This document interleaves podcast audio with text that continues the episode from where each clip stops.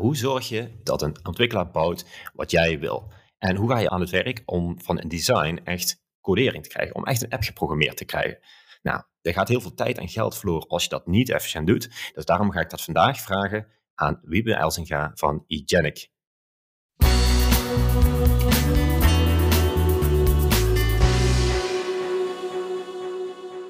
Goedemorgen. Goedemorgen Wiebe, hallo. Goed dat je erbij bent in de, in de podcast. Ja, we gaan het vandaag echt hebben over hoe ga je nou van design naar echt een app toe. Zonder slalommen, oftewel met een rechte weg daar naartoe, zonder uh, verlies van geld of gedoe, of misschien wel vooral de potentie die er zit in een, in een app of in een idee. Ja, dus dat, uh, dat gaan we vandaag behandelen. Ja, ik heb jou uitgenodigd omdat jij senior Android developer bent bij Egenic. Uh, kun je iets vertellen over je rol?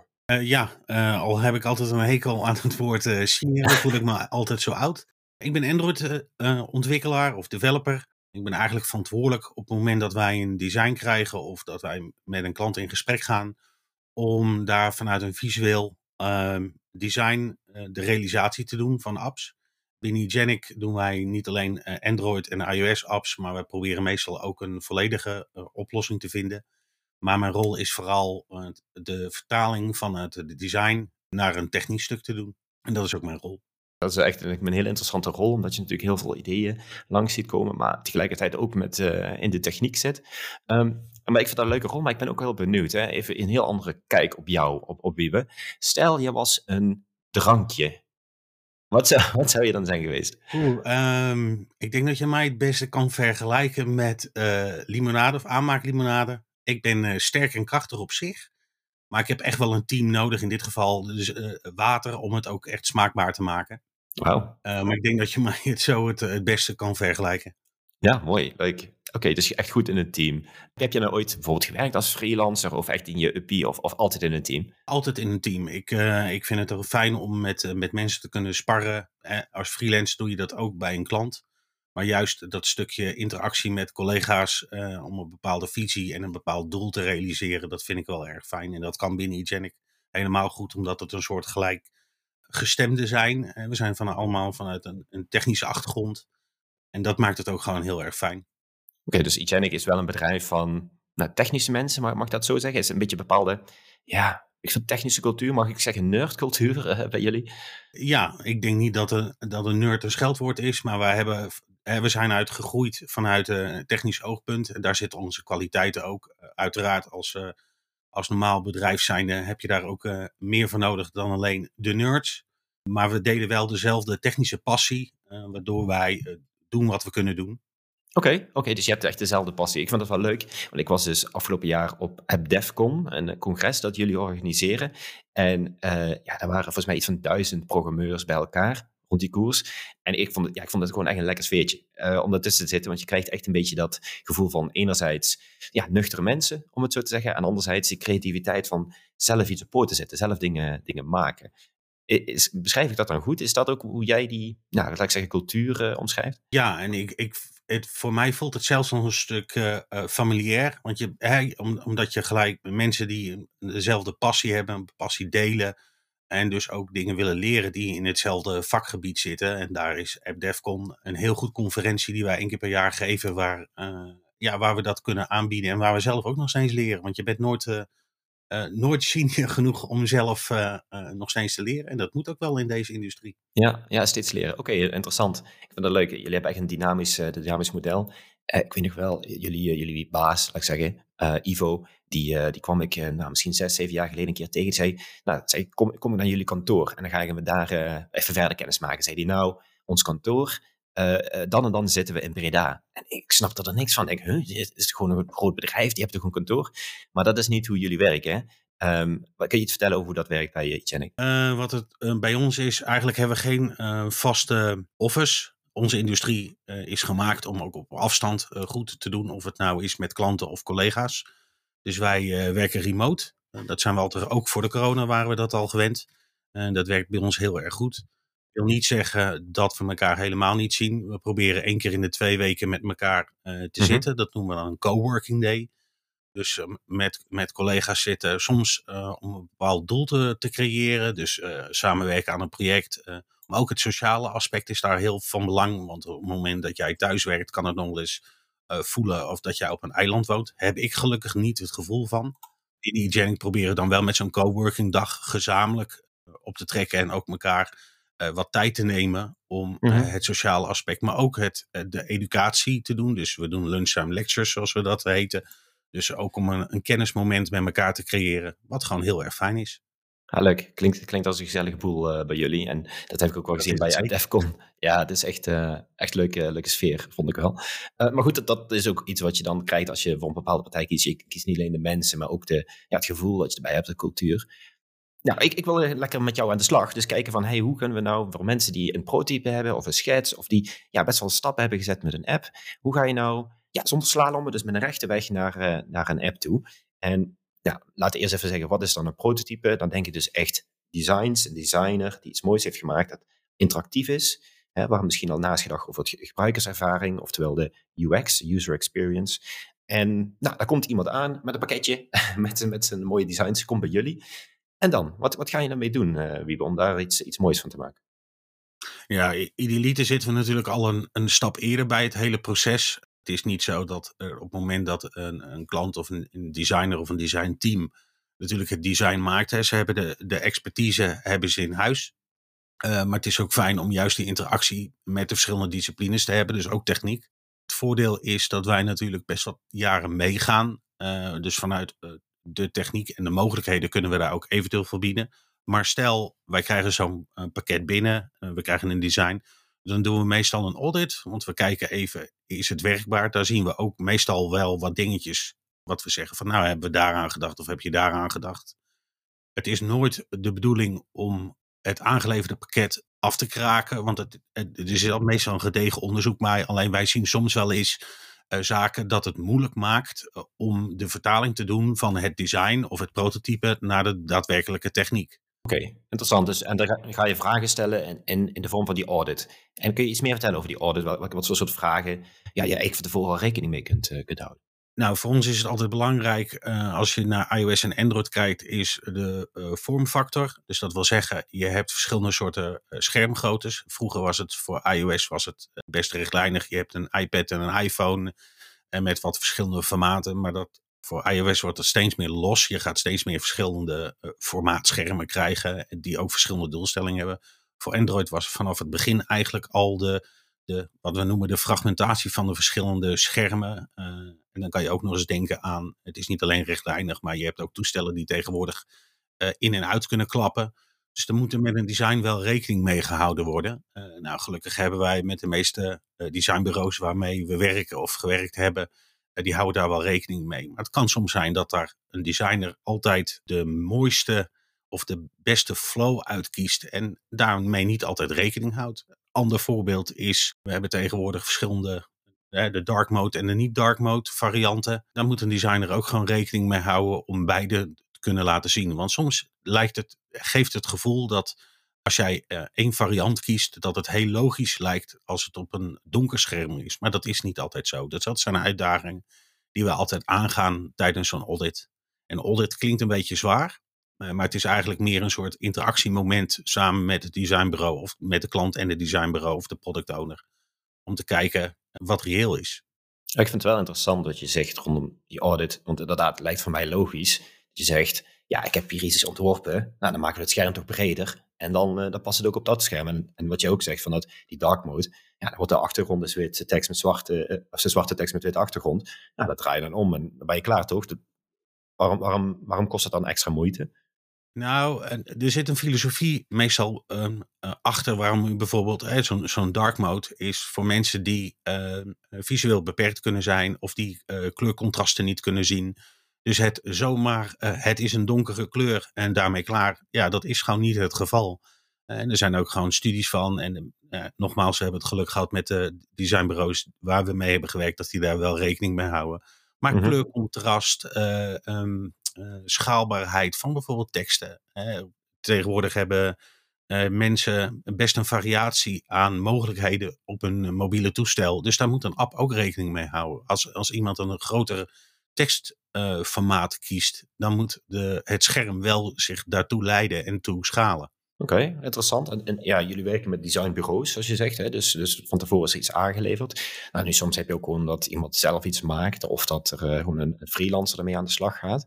Waar moet zo'n zo iemand dan rekening mee houden? Is het dan bepaalde software, bepaalde standaarden? Hoe, hoe bouw je dat in, zeg maar? Nee, er is eigenlijk geen, geen um, blueprint waar mensen zomaar aan kunnen voldoen. Hè? Um, hoe meer software, hoe meer mogelijkheden, zeggen wij altijd natuurlijk. Kijk, er zijn een, een aantal uh, standaard designpakketten die erg populair zijn. Uh, een Zeppelin, een Figma, noem het maar op. Ik denk niet zozeer dat het aan de tooling hoort te liggen. Maar het moet wel duidelijk zijn als er een, een ontwerp gemaakt wordt. Dat er duidelijk is hoe ziet het eruit. Wat zijn de dimensies. Wat zijn de verschillende mogelijkheden? Kun je afstanden tussen elementen heel makkelijk kunnen, kunnen halen? Zolang wij niet hoeven te, te gokken en te interpreteren, dan zit het op zich helemaal goed. En dan, wat er dan overblijft is een, een gezonde discussie over een daadwerkelijk design. Ja, precies. Dus je gaat die discussie sowieso aan. Je kunt hem nooit perfect maken, eigenlijk. Tot een bepaalde hoogte misschien. Nee, dat is volgens hem. Nee, dat zeg je, dat zeg je heel mooi. Ja. Maar ik denk, ik denk dat dat met alles is waar je, of het nou techniek is, of design, of uh, een, een business runnen. Um, perfect zal het nooit zijn. Er is altijd een stukje interactie nodig tussen uh, verschillende partijen om het doel uiteindelijk te halen. En in dit geval is dat een, een, een succesvolle uh, app of apps. Oké, okay. ja goed. En die, dat, hè, hoe ver dat uh, uitgewerkt is, volgens mij in technische termen is het fidelity, hè, dus, dus uitgewerktheid, hè, of hoe grof of hoe fijn het uitgewerkt is. Ja, je zou dus kunnen zeggen dat ik heb een servetje en daar teken ik wat op. Dat, dat kan een design zijn. Hè, of het kan een volledig interactief design in Figma zijn met schaalbaarheid en dark mode al bedacht. Um, zeg maar, waar ergens haak jij het liefst aan? Of wat is optimaal om een programmeur, ja, welke fase betrek je die? Nou, ik vind het, een, een servetje is leuk voor een, vanuit een, een idee wat je hebt. Um, ik denk wel dat we op het moment dat jij de techniek induikt, dat, dat je echt wel een stap verder bent. In ieder geval dat er een basisdesign is en een aantal flows zijn uitgewerkt om uiteindelijk een, stukje een feature of een functionaliteit of een app te kunnen realiseren. En het is niet zozeer dat het ons niet uitmaakt. Want uh, techniek, mensen die in de techniek werken, die zijn ook slim genoeg om een bepaalde interpretatie te doen. Alleen je wil voorkomen dat, uh, dat het, uit, het uiteindelijke product wat je aan het maken bent, uh, niet een interpretatie is, omdat er slecht gecommuniceerd wordt.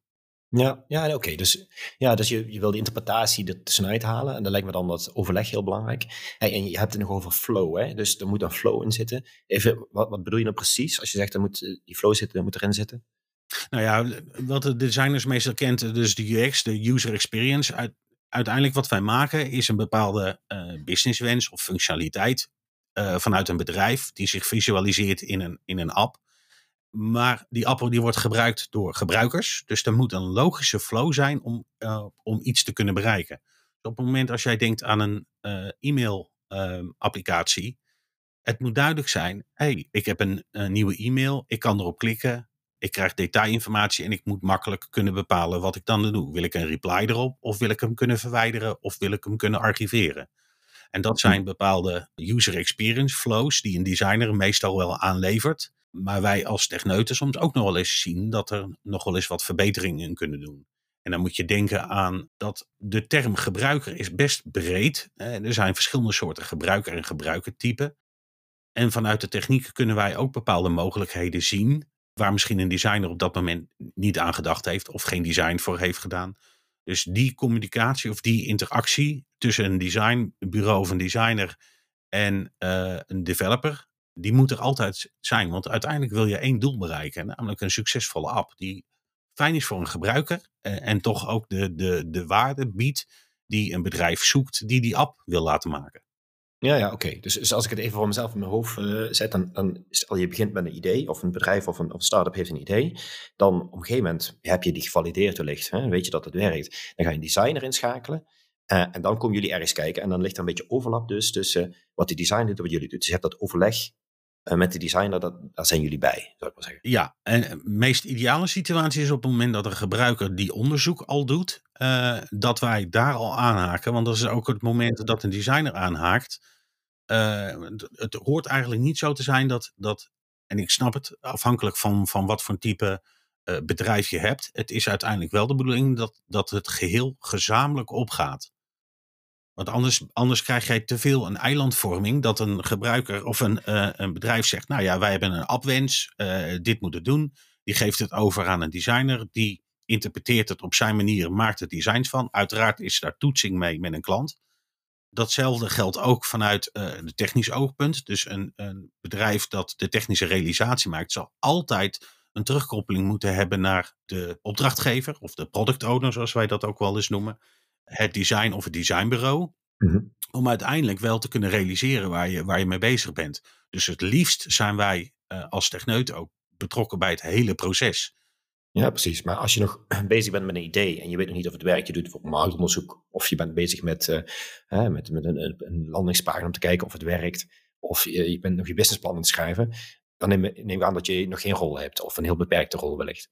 Ja, daar hoeven wij nog niet uh, voor aanwezig te zijn, want dat is meer bedrijfstechnisch of de, de, de onderzoeksfase. Kan soms wel fijn zijn, omdat je dan uh, als een klant met zo'n idee is, dat je, dat je zowel een, een designbureau of een designer als een partij die de realisatie maakt, daar wel input hebt. Maar het hoeft niet. Nee, precies. Oké, dat is wel interessant. En um, wat ik ook wel interessant vind is van, hey, als bedenker ga je natuurlijk van tevoren valideren met gebruikers. Gaat dit werken? Dan komt hij bij de designer, dan komt hij bij jullie. Wanneer komt die gebruiker er weer bij kijken? Wat is volgens jou weer ideaal? He, dus op welk moment zou de gebruiker aangehaakt moeten worden in het ontwikkelproces? Ja, dat, kan, dat kan, hangt een beetje af welke koers je doet. Dus in, in de situatie die jij net benoemde, dus de opdrachtgever heeft een, eh, een onderzoek gedaan naar uh, bruikbaar heeft een toetsingmoment gehad, uh, geeft het door aan de designer. Eigenlijk op, naar aanleiding van het design moet er ook weer een toetsingmoment zijn. Is het design helder voor een gebruiker wat hij daar doet? Daar zijn ook onderzoeken voor. Dus op het moment dat wij dan een, een, technische vertaling doen van het geheel, is uiteindelijk na een eerste fase, en noem het een, of een POC of een, een MVP, dus dat is, zo noemen we dat, dat is een minimale product waar je uiteindelijk wil bereiken, is dat een mooi toetsingmoment. Ja, precies. Dus je bouwt in, in fases. Dus je, je bouwt een MVP, Minimal Viable Product, zo'n eerste product dat je zegt. En daarmee kun je testen in de markt, uh, met gebruikers. En dan ga je bijvoorbeeld door met ontwikkeling. Begrijp dat goed? Ja, en uh, je kan daar ook bijvoorbeeld voor kiezen. Als het dan een bestaand product is en je wil een verbetering op, dan zou een AB-test, wat wij noemen, dus uh, meerdere variaties mogelijk, zou een goede situatie zijn om middels de techniek te kunnen realiseren. Want Soms is het zoeken naar, uh, hey, is dit duidelijk? Hè? Een, een, voorbeeld is voor een klant van ons, doen we regelmatig wat wij uh, eh, AB-testen noemen, is dat zij een nieuwe feature, een nieuwe mogelijkheid binnen de app of binnen hun organisatie willen testen en ze willen kijken of het een beetje duidelijk is. Nou, en dan is er een gebruikersbureau die doet een, een useronderzoek. Nou, soms komt daar wel wat dingetjes uit. Maar uiteindelijk, als je dat ding echt in je handen hebt en je bent ermee bezig, kan het soms net wat anders zijn. Dus daar richten wij dan voor hun ook het AB-testen in. Dat wij twee verschillende soorten designs. En dat, daar zijn ook tools voor. En dat kan je uiteindelijk meten. Maar dat is wel dat jij in de techniek daar een beetje rekening mee moet houden. Dat jij soms verschillende smaken moet introduceren.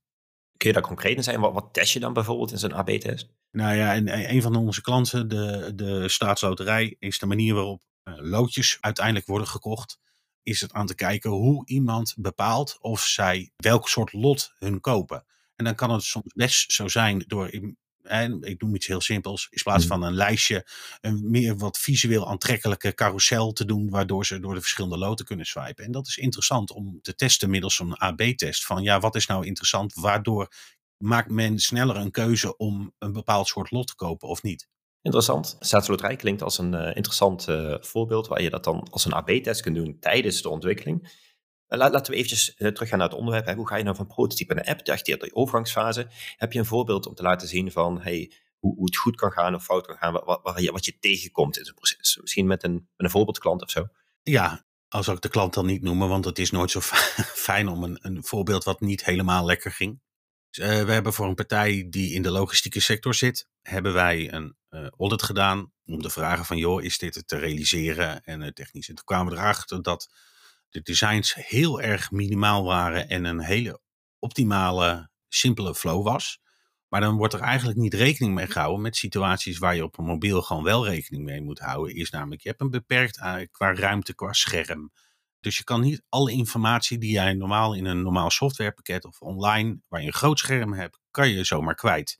De andere situatie was dat zaken als, hey, ik heb geen internet of het duurt heel erg lang voordat er informatie geladen wordt, omdat het er misschien een complex uh, aantal informatie of data die getoond wordt, daar moet dan wel rekening mee houden. Wat doet een gebruiker op het moment dat hij op een knop drukt, versus hij moet wachten totdat de informatie er is. Dus een stukje feedback uh, zat er in dit geval bij die, uh, bij die klant niet bij. En dat maakt het gewoon heel erg moeilijk.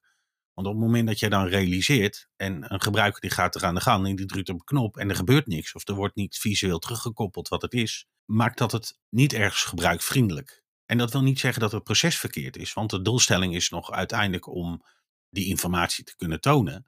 En een, design, een design of een designbureau kan best zeggen van ja, we moeten een indicatie geven. Maar er zijn best wat mogelijkheden en of wat randvoorwaarden waar wij als techneuten nog wel eens zien van hey, hebben, we daar, hebben jullie daar aan gedacht? Ja, ja, interessant. Dus dan ga je echt kijken naar hè, wat je zegt, die, die, normale flow, die happy flow, wat daar de, de, de uitzonderingen en vooral aanvullingen op zijn. En um, hoe, hoe heb je dat dan opgelost? Wat is dan, zeg maar, stel je hebt dat nog niet, wat, wat moet je dan doen om daar, daar te komen? Uh, nou ja, in, in dit geval hebben we aan de klant, uh, zijn we rond tafel gegaan en hebben we aangegeven, nou ja, jullie zien in, in deze flow, in deze design, zien jullie dit. Hebben jullie hier aan gedacht en daar aan gedacht? Dus het blijft altijd een dialoog wat je aangaat met, met de klant en het designbureau. Want die zijn uiteindelijk verantwoordelijk voor het opleveren van het design, om die terugkoppeling te geven. Ik zeg toevallig net een hele goede vraag van, van Wilma. Of het dan wel zinvol als het design ondergeschikt is, of je het dan misschien niet over moet slaan. Ja, dat raad ik juist weer net niet af. Want uiteindelijk zijn het techneuten. Ik heb uh, het geluk dat ik uh, vaak de interpretatie moet doen tussen client. Maar het kan ook zijn dat mensen, uh, techneuten, niet altijd de beste designers zijn of een bureau daar niet de, de kracht voor heeft om juist die extra vertaling te doen, vind ik wel dat elke designer hoort te zijn, maar dat is dus niet altijd zo. En uiteindelijk is het een designbureau die de expertise zou moeten hebben om, om juist die vertaling te kunnen doen tussen de functionele vraag en de uiteindelijke design. En iedereen maakt wel eens fouten of er zijn wel eens situaties dat het vergeten wordt of een designbureau focust heel erg op iOS en die vergeet dan dat bij Android het soms iets anders kan zijn. Dus die dialoog mag wel aan. Maar ik denk wel dat het de verantwoordelijkheid is voor elke discipline om alles eruit te halen wat erin zit. Ja, ik vind dat een goed, goed punt. Dus die designstap mag je niet overslaan, want anders krijg je dus fouten in de interpretatie van de, van de ontwikkelaar. zoals je bijvoorbeeld ook aangaf bij uh, nou, de logistieke klant. Um, en als je dat wel over, ja, dus dat, dat is het probleem. Maar als je die designer tussenin zet, dus door een bureau, door een freelancer of dat uh, bedrijf zoals jullie dat oppakt, dan ja, heb je die, heel veel van die voorwaarden heb je akkoord. En voor Zover dat niet zo is, kun je daarvoor een, een dialoog gaan. Ja. Ja. Oké, nou, dat is eigenlijk wel een duidelijk, eh, duidelijk verhaal. Oké, dus jullie hadden een probleem met bijvoorbeeld hè, dus dat je niet die normale flow, die noemen het ook wel eens happy flow, dat die te beperkt is. En welke andere dingen kom je nog tegen bij het omzetten van, van design naar, naar programmatuur? Ik heb dus bij twee situaties gehad dat er heel erg gefocust was op iOS. Maar dan vergeten we soms dat Android het soms net wat anders doet. Hè. Noem het van uh, afvangen van permissies tot het verwijderen van bepaalde elementen van een scherm tot de navigatie. Je hebt te maken met twee verschillende platforms. Of inmiddels zijn het er vier, want uh, vroeger hadden we natuurlijk BlackBerry. Dat is natuurlijk niet meer zo. niet meer zo maar uh, een goed voorbeeld is Huawei. Huawei doet het net wat anders. Je mag geen Google services gebruiken. Dus daar moet gewoon rekening mee gehouden. En dat is ook qua techniek, maar ook qua design. Betekent dat wel een impact op hoe jij dingen in een app navigeert. Maar dat klinkt wel als heel veel werk, moet ik zeggen. Dus dan dat je heel, eh, hè, vier platformen misschien, of drie of zo, hè, misschien tablet nog, maar in ieder geval hè, verschillende platformen, klinkt veel werk. Zou je niet bijvoorbeeld kunnen zeggen, we maken één design dat redelijk goed werkt op iPhone en redelijk op Android. En ja, gewoon, uh, dat is begin als basis bijvoorbeeld. Ja, alleen is dan de vraag, wil je iets, uh, iets designen wat redelijk werkt, of wil je iets designen wat succesvol is? En de, de kern design ben ik helemaal met je eens. Dan maakt het niet zoveel uit. Alleen uh, onze wens is wel meestal hou rekening vooral met het platform waarop je, waarop je zit. Mm -hmm. Want anders krijg je hetzelfde van een vertaling van een website naar een appsite. Dat is niet een één op één vertaling. Dus op het moment dat jij een design hebt voor een website en je bent al, die heb je al in en je wilt de stap gaan doen naar apps. Het is nooit een één op één. En dat zal tussen iOS en Android ook niet altijd zijn. En natuurlijk zijn vanuit techniek zijn er wel verschillende mogelijkheden om het niet dubbel te bouwen. Hè, want wij doen meestal, wij hebben een shared architecture, dus de, de, de techniek maakt wel deel uit van een gemeenschappelijk iets. Maar er zal altijd specifieke, zeker UI of UX zaken zijn waar je rekening mee moet houden, wat gewoon eenmaal verschilt. En laten we even nadenken dan over de impact. Hè? Want de mensen die, het gedeelte die het nu luistert, heeft zoiets van ja, dat klinkt wel goed. En inderdaad, je wil die gebruiker goede ervaring geven. Maar wat nou als je dat niet doet? Hè? Dus wat is het gevaar van, van dat niet doen, die goede UX creëren? Ja, de, de, de, het, het meeste gevaar is dat de app niet succesvol zal zijn, omdat hij heel erg irritant is om te gebruiken. En dat is, dan kan je nog net zoveel uh, investeren in een goede app. Maar op het moment dat jij het een geen gebruiksvriendelijke app is, die, die eigenlijk doet wat je zegt. Als ik 16 knopjes moet drukken voor eigenlijk iets wat je kan minimaliseren tot een 3. En dat is, soms is dat uh, absoluut voldoende. Dan heeft het ook niet zoveel zin om een app te creëren. Dat wil niet zeggen dat ik, je, dat ik iedereen afraad om een app te doen. Uh, we zien tegenwoordig dat eigenlijk zonder app een bedrijf of een bedrijf eigenlijk niet kan. Maar denk wel goed na wat je doet. Je doet het er niet zomaar bij. Ja, ja heel goed. Eh, goed dat je dat zegt. Hè. Dat is ook mijn mening. Ik vond het leuk om van jou te horen. Ik ken een klein stukje theorie van mijn kant. Uh, we hebben onderzoek gedaan met uh, de Universiteit van Tilburg naar wat zorgt ervoor dat iemand een app gaat downloaden. En van tevoren kijken mensen vooral naar wat is die app nou qua functie? Wat, wat gaat mij functioneel of in, in de praktijk opleveren? Anderzijds ziet het er betrouwbaar uit. Dus heeft een mooi logo, uh, goede naam, misschien goede reviews. Dat zijn de twee factoren. Grappig is dus, mensen kijken nog helemaal niet naar gebruiksgemak bij, ga, ik, ga ik die app downloaden of niet? En dat kunnen ze ook niet, want ja, ze, hebben die app nog niet gebruikt. Dus die gebruiksgemak zit echt in de ervaring. Het zit een beetje verborgen. Je moet het ervaren om daarachter te komen. Dus voor een app download is user experience niet belangrijk. Maar dan gaan mensen die app gebruiken. En als die dat, zoals uh, je mooi zegt, wie als het dan irritant is, ja, dan gaan ze of die app deinstalleren, maar ze gaan in ieder geval niet je app doorvertellen of verder verspreiden of populair maken. dus de populariteit of de mond-tot-mond uh, verspreiding van je app gaat heel laag zijn. Nou, heb je je UX nou on par? Is die nou gewoon een beetje wat mensen verwachten? Is die nou na uh, behoren? Ja, dan, dan is dat fijn. Dan is het in ieder geval geen uh, dissatisfier. Hè? Dus mensen blijven gewoon in je app. En je kunt ook nog zeggen, je gaat die UX een, net iets extra's geven. Je gaat leuke animaties erin zetten. Je gaat een kleine glimlach creëren bij mensen bij het uh, gebruik van de app. En dan vergroot je juist de kans op het verspreiden. Omdat mensen iets hebben, hey, dit is leuk, app te verspreiden. Ik heb er goed gevoel bij. Ik ga ook anderen dat aanbevelen. Klein stukje theorie. Ja, als ik daar nog een aanvulling mag doen. Mijn advies is wel, begin nou eerst met het minimale. Mm -hmm. En kijk dan voor de toegevoegde waarde de stelling is, je kan altijd maar één keer een eerste indruk maken. Dus op het moment als jij uh, functioneel een app hebt die eigenlijk moet doen wat het, wat het is, uh, dan win je al veel meer mee dat je een heel mooie app hebt die, die bijvoorbeeld best leuke animatie. Maar dan kan het nog steeds zijn dat het erg frustrerend is omdat er iets niet werkt. Dus probeer in in de basis eerst te beginnen. Je hebt, je hebt een mooi idee voor, uh, voor, voor een app. Realiseer het nou. Hou het simpel. Wat soms best een uitdaging is om het simpel te houden. En ga, ga van daaruit verder. En als op het moment als jij een app succesvol uh, hebt, of de downloads zijn redelijk goed, en je biedt juist dat stukje extra daarna, gaan mensen ook mee in jouw gevoel. Want soms is een gevoel soms belangrijker met realiseren dan een, een technisch appje maken. Want daar hou je ook mensen, daar blijf je ook die mensen vasthouden. Want anders gaan ze een app downloaden. Doen ze het één of twee keer. Dan zeggen ze, nou, dat is leuk, ik kan het doen.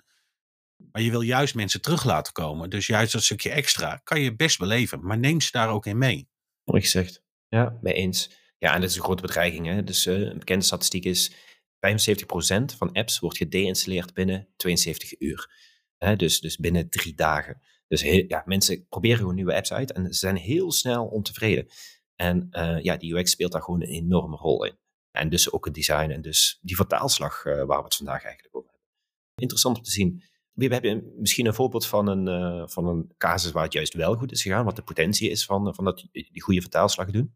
Ja, dat is, uh, ik zal de, de, naam niet noemen, het is een, een attractiepark in Nederland, een grote. En dat is natuurlijk een iets groter bedrijf, maar daar is het gevoel wat, wat jij hebt als bezoeker van een, een park is enorm belangrijk. Dus in, in dit geval wouden ze de introductie hebben van uh, een wachtrij. Hoe lang duurt het voor een bepaalde attractie er is?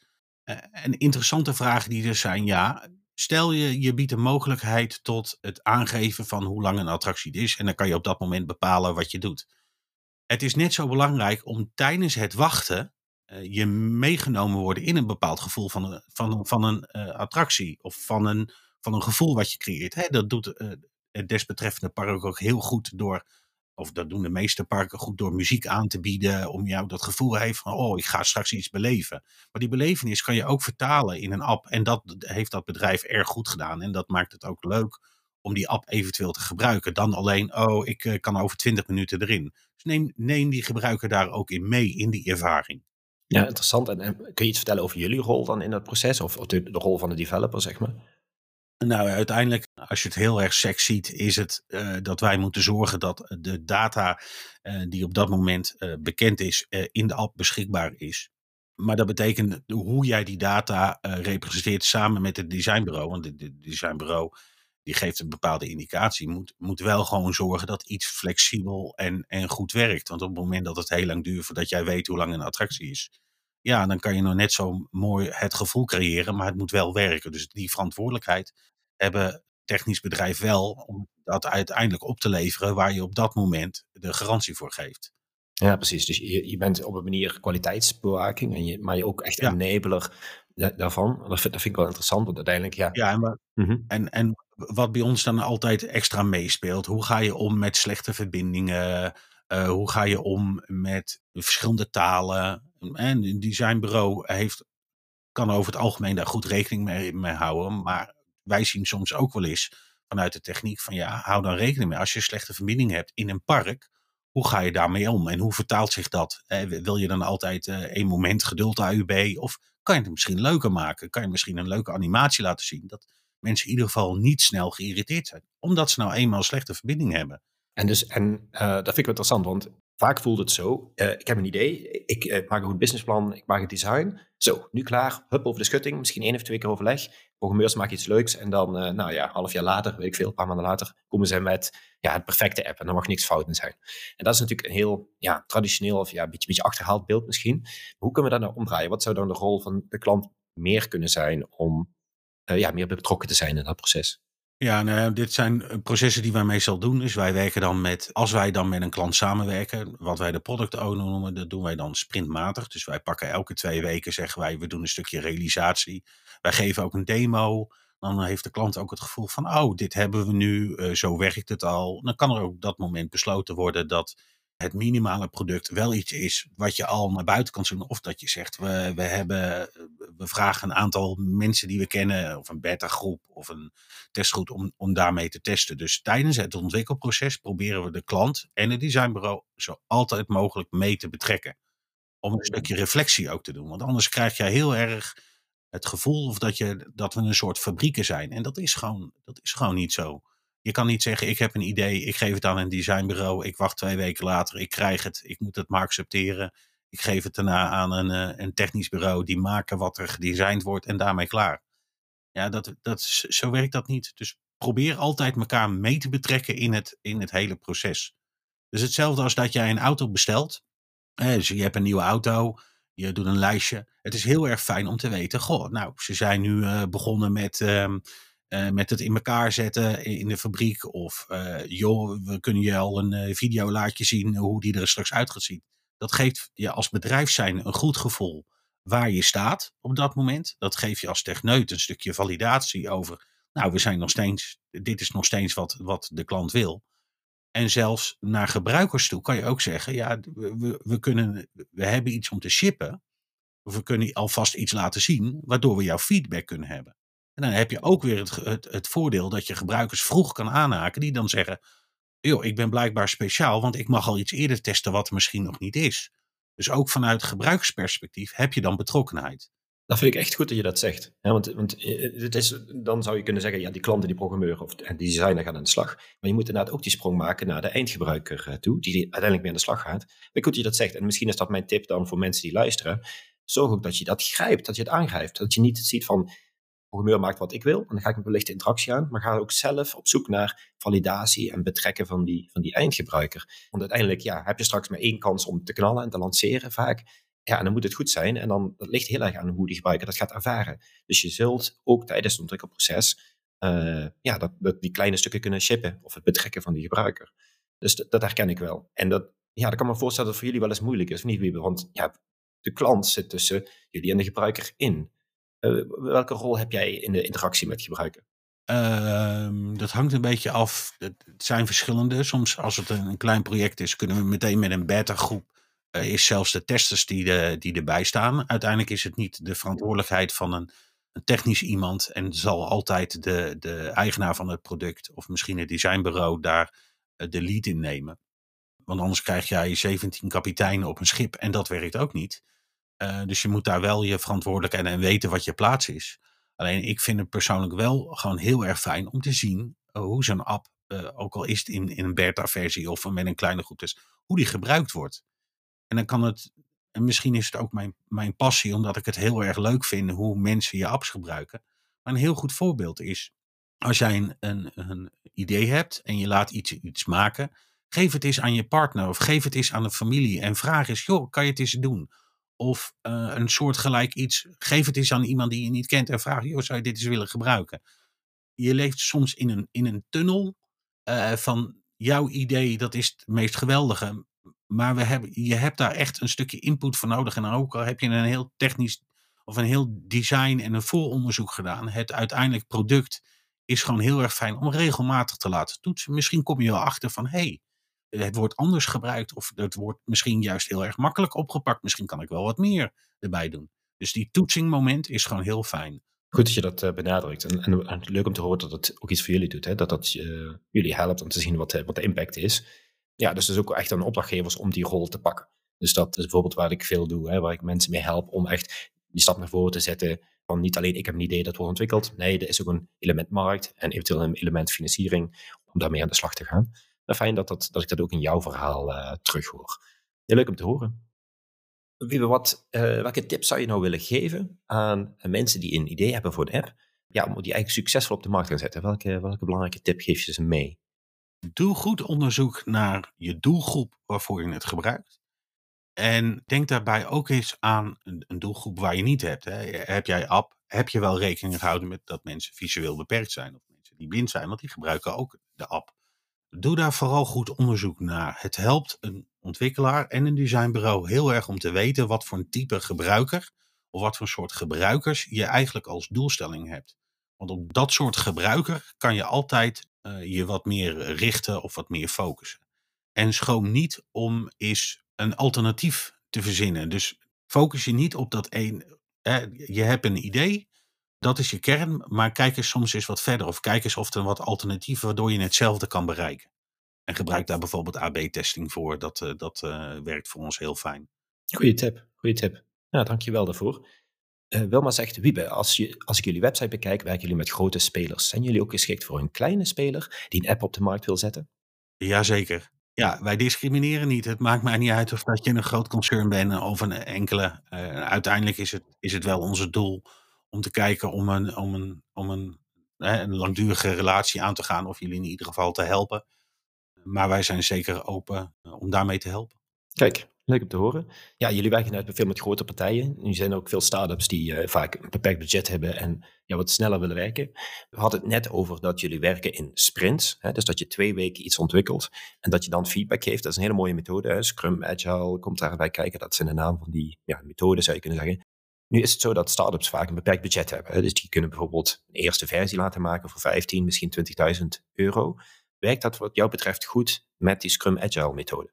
Uh, dat is een goede vraag. Uh, ja, dat denk ik wel. Uh, want uiteindelijk wil je voorkomen dat op het moment dat jij een kleine idee hebt, is dat je het één keer over de bühne gooit en dat jij na twee weken of drie weken of vier weken een eindproduct hebt wat je eigenlijk helemaal niet wil de methodiek staat even los van, de, van, een, van een doorlooptijd of een reactie. Nee, wat wij ook wel eens doen is een, een soort uh, uh, workshop aangaan met een klant. Van we pakken nou eens gewoon een dag, kijken wat we, wat we kunnen doen, kijken wat we kunnen spelen, wat we kunnen realiseren. En dat kan je met een beperkt budget ook doen. Uh, dus dan pak je gewoon een dag waarin je samen gaat zitten om te kijken of dat je een soort proof of concept kan doen, samen met een designer misschien. Of je hebt al een design en je wil dus gewoon kijken bij een technische partij van kan ik iets realiseren? Nou, dan doen we een soort, soort workshopdag om te kijken of, jij, of dat er een product uitkomt. En dan zie je dan wel eens verder. Ja, precies. En zo'n workshop is dan bedoeld voor, een, voor het maken van een prototype, niet voor echte ontwikkeling, toch? Ja, of misschien het, het uitbreiden van een feature, of uh, dat, dat hangt een beetje uit af. Kijk, uiteindelijk vinden wij wel fijn om een, en dat, dat geluk hebben wij met onze klanten. Onze klanten zijn relatief trouw aan ons, dus het is al een langdurige relatie. Nou, dat betekent voor mij dat ik iets goed doe of dat we iets goed doen. Uh, maar dat biedt voor ons ook de mogelijkheid om samen nog steeds met die klanten te zoeken naar alle nieuwe mogelijkheden die er zijn. En daarmee ook een soort groeien. En of dat nou een kleine of een grote partij is, dat maakt voor ons in die zin niet uit. Ja, nou oké, ja, wat ik merk is, dus ik, ik, wil die discussie wel aangaan. Namelijk, ik denk namelijk dat um, uh, als partij, als Igenic, denk dat je best wel goed ingericht bent om, nou, zoals uh, Wilma nu ook zegt, full service bent. Hè? Dus dat je best wel, of ja, in ieder geval veel kunt uh, realiseren. Grote budgetten werkt vaak, grote projecten. Terwijl ik denk dat als je werkt in sprints, dan heb je misschien na 10 of 15.000 euro, is je sprintbudget voor die twee weken is al op. En dan heb je nauwelijks tijd om in zo'n klein budget ja, echt gebruik te maken van de, de waarde die uh, Scrum Agile biedt, hè, om zoveel feedback te krijgen. Daarnaast denk ik dat je als bureau ook misschien ja, meer processen hebt die ja, ervoor zorgen dat het moeilijker is om samen te werken met startups. Ja, dat, dat is zeg maar wat ik tegenkom in de praktijk. Dus dat dat niet altijd matcht, een relatief grote partij met een start-up. Uh, maar misschien heb je een andere mening over, want ik ben daar heel benieuwd naar. Dat is namelijk uh, ja, het verschil wat ik zie tussen praktijk en, en theorie. Ja, misschien heb ik dan het, het geluk gehad dat ik daar niet zoveel last heb van gehad. Want we hebben echt wel een aantal starters geholpen. En dan uiteindelijk is het wel dat jij ook al. Hè, budgetair is natuurlijk één ding. Maar ik focus me vooral op een stukje realisatie. Uiteindelijk wil je wel een bepaald uh, doel bereiken. En als jouw app binnen één of twee dagen te realiseren is, ja, dan, dan kan je er van alle processen tegenaan gooien. Dan, dan geldt dat niet.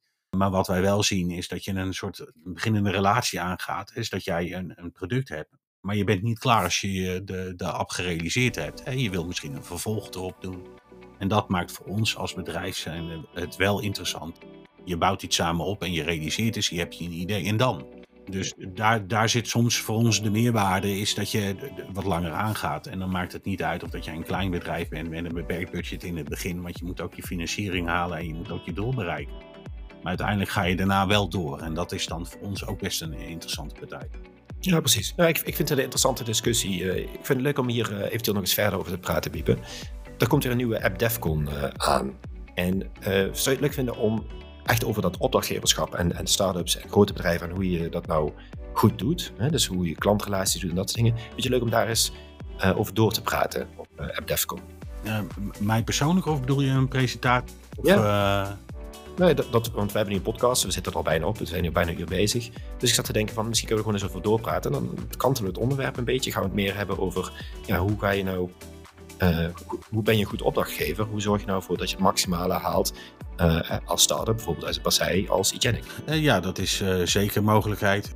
Ik ben tijdens AppDevCon natuurlijk wel zelf heel erg druk. Omdat we, we helpen het mede organiseren. En we willen niet zorgen dat het een ons feestje is, want dat is juist niet de hele insteek waarop de conferentie ooit is bedacht. Hè.